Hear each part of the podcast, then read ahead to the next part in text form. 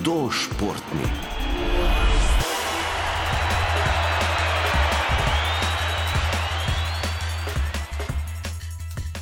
Danes v naši rubriki sledi prava kratka učna ura osnovnih elementov karateja z Matejem Kabajem iz karate do kluba Šotokan Ik.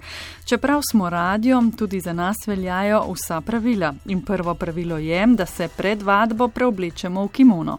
E, oblečeni smo v kimono, beli kimono, hlače in pa zgornji del, se pravi jakno.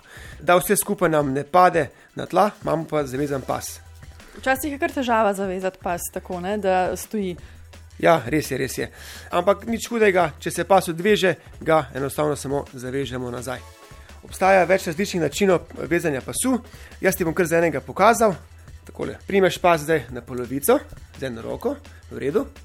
Polovico dava na popek, tako ja, dava nazaj, zadaj prekrižava, tako, ok. Potem dava spredaj najprej en trak na popek, pa držiš, tako, pa drugega čez. Zdaj tega, ki si dala čez, dava od spodaj, podo vse pasove, takole, in malo zategneš, in preveriš, če sta oba trakova enako dolga, koliko niso, malo prilagodimo, levo, desno, takole.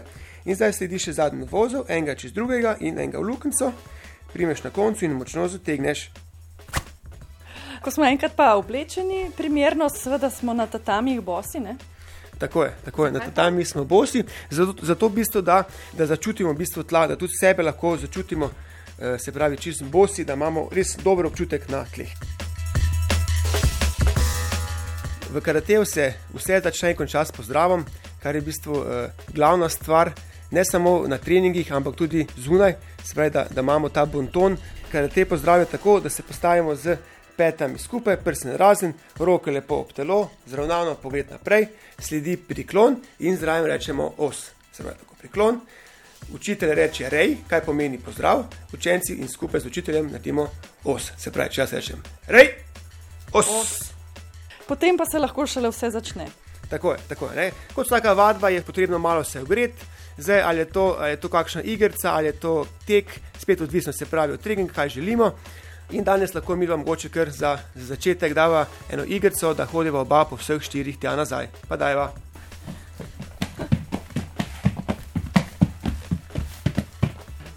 Telo se... mora biti ogreto. Ne? Tako, tako. Ne? Telo mora biti ogreto, se pravi, da začuti malo ramena, malo boke. Potem pa lahko začnemo malo z vadbo. Zdaj, najboljše, da začnemo kar z enim takim osnovnim položajem. Položaj je tako, da naredimo en dolg korak naprej, E, stojimo v širini ramen, v širini ramen in sprednjo nogo pokrčimo. Pokrčimo, pokrčimo toliko, da pogačica pada približno nad prste sprednje noge. Zadnjo nogo obrnemo nekje 45 stopinj naprej in pa tako le čist plosko na stopalo. Zadnjo koleno je stegnjeno, sprednjo, kot smo rekli, pa pokrčeno. In ta že mora biti tako stabilen. Torej, širina ramen, tako so razmaknjene noge in pazimo, da koleno sprednjo ne gre čez prste ne, noge. E, v bistvu postavimo ga tako do konca prstov, do konca prstov, ne, takole, in pa stopalo še rahlo malenkost prst za en palec, širino palca na vznoter. Tako da smo stabilni. Ne? To je v bistvu osnovni položaj, ki ga v bistvu z otroci delamo z več razlogov. Prvi je ta, da v bistvu otroci se zavedajo svojega telesa, aha, da znajo se pravi, da lahko nogo pokrčijo, iztegnejo, da potem iščejo ravnotežje v nekem položaju, da imajo stabilnost, hkrati pa v bistvu zaradi statičnega položaja se mišice krepijo. Eh, v japonščini se imenuje to zenko cudači. Zenko cudači, kot sprednji položaj, bi lahko po slovensko poimenovali. Hudo športni. In eh, zdaj še mogoče kakšen udarec. A je to prezahtevno za me? Ne, ni, ni, ni. Pri, pri udarcih je pa najprej pomembno, da začnemo pri pesti. Se pravi, kako naredimo pest. Pest naredimo tako, da, da dlan odprto dlan najprej zapremo, se pravi, mezinec in tako na vznoter zadnje štiri prste, na to pa za palcem pest zaklenemo. E, pomembno je, da ni pes od zgora, ampak v bistvu pes zaklene in je v bistvu na tisti strani, kjer je odprtina pesti. Palec ne sme štrleti ven. Ne? Tako, se pravi, palec mora biti pokrčen na, na tisti strani, kjer je odprtina pesti. E, in zdaj nadaljujemo, se pravi, roke damo na bok, spodnji del pesti, postavimo tukaj del, kjer imamo kavk. Ne, če malo provamo s prsti, aha, kje so kavki, tako le na ta del postavimo. Ne. To je zato, da otroci v bistvu vedo, kam treba roko postaviti. Ne. Se pravi, da ni roka v zraku, se pravi tista pasivna, ena se naredi udarec, druga pa ne vemo, kam bi dali, ampak imamo točno določeno točko, damo jo na bok. In s tem, ko imamo mi določeno točko, ozavestimo ne samo položaj, ampak celo roko.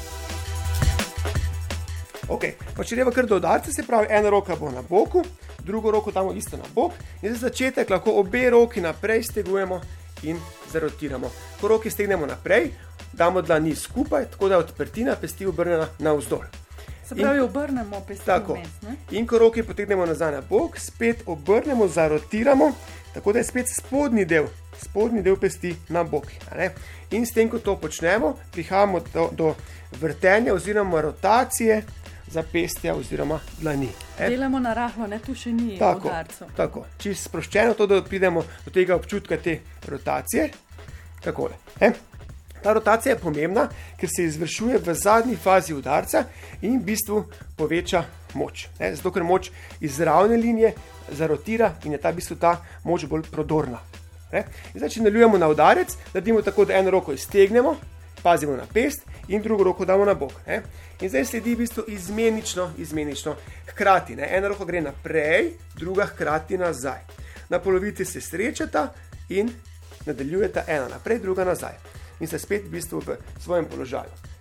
Ko nadaljujemo, isto spet se pravi, ena gre nazaj, druga naprej, se vmes srečata in potem spet nadaljujeta svojo pot. Ne? Ne? Se pravi, najprej se naučimo, kako gib poteka, kasneje dodamo moč in hitrost. Redo? Ko dodamo moč in hitrost, je pomembno, da dodamo tudi kime, o katerem smo tudi prej že govorili, se pravi, kako izdihniti, da povečamo moč in sunkovitost samega udarca. Ne? Ta bistvo kime je treba bistvo malo vaditi, vaditi, vaditi, da se potem v roku nekaj časa, se pravi, odvisno koliko smo pridni, ponovadi v roku ne pol leta se nekje ta kime potem razvije, pa je že kar ok. Je pa res, da vsak sam potem še individualno vidi, ali je ta kime eh, dovolj močan, ali ga pa potem, potem še malo razvijati naprej. Ne? Kako se sliši, če ta udarec naredi tak profesionalec, kot ste vi? Naredil bom udarec na mestu, ker bom vključil moč, hitrost in na koncu kjaj. Naredil bom kjaj, je v bistvu pa krik, ki se na koncu naredi, ker želimo še, ve, še povečati moč, oziroma še več provati iz sebe stisniti energije. No pa dajmo.